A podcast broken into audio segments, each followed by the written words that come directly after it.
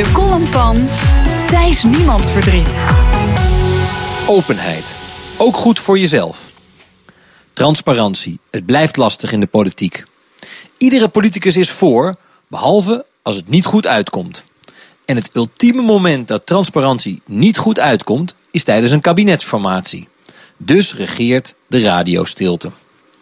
Al twee weken horen we de onderhandelaars van VVD, CDA, D66 en GroenLinks dingen zeggen als: Het was een goed gesprek. En alles wat ik hierover zeg bemoeilijkt het proces.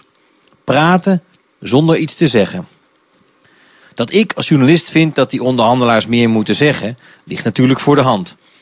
Gebrek aan informatie is bij mijn beroepsgroep synoniem voor chagrijn. Maar meer openheid is ook in het belang van de partijen zelf.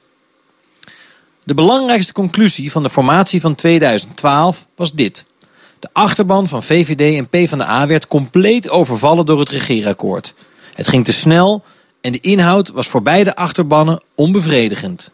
Resultaat: een ledenopstand bij de VVD over de inkomensafhankelijke zorgpremie. En vier jaar lang ledenopstand bij de PvdA over zo'n beetje alles. Formaties zijn vaak het winnen van de vorige oorlog.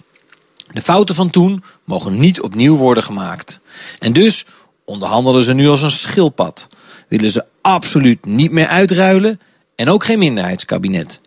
Maar het belangrijkste euvel van 2012, de geslotenheid van het proces, dat houden de vier partijen in stand. Onverklaarbaar. Want zolang je geen woord loslaat over wat je bespreekt, worden die achterbannen aan het eind van de formatie net zo overvallen als vijf jaar geleden. En daar zit je dan met je mooie regeerakkoord. Bij de VVD doen ze wel iets om een herhaling te voorkomen. Het formatieteam is veel groter dan in 2012.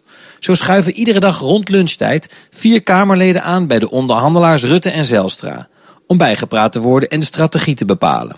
De gedachte, met meer betrokkenen is de kans op tunnelvisie kleiner. Maar verder houdt de VVD van alle vier partijen de lippen het allerstijfst op elkaar. Ik snap ook wel dat bij onderhandelingen de nodige vertrouwelijkheid nodig is.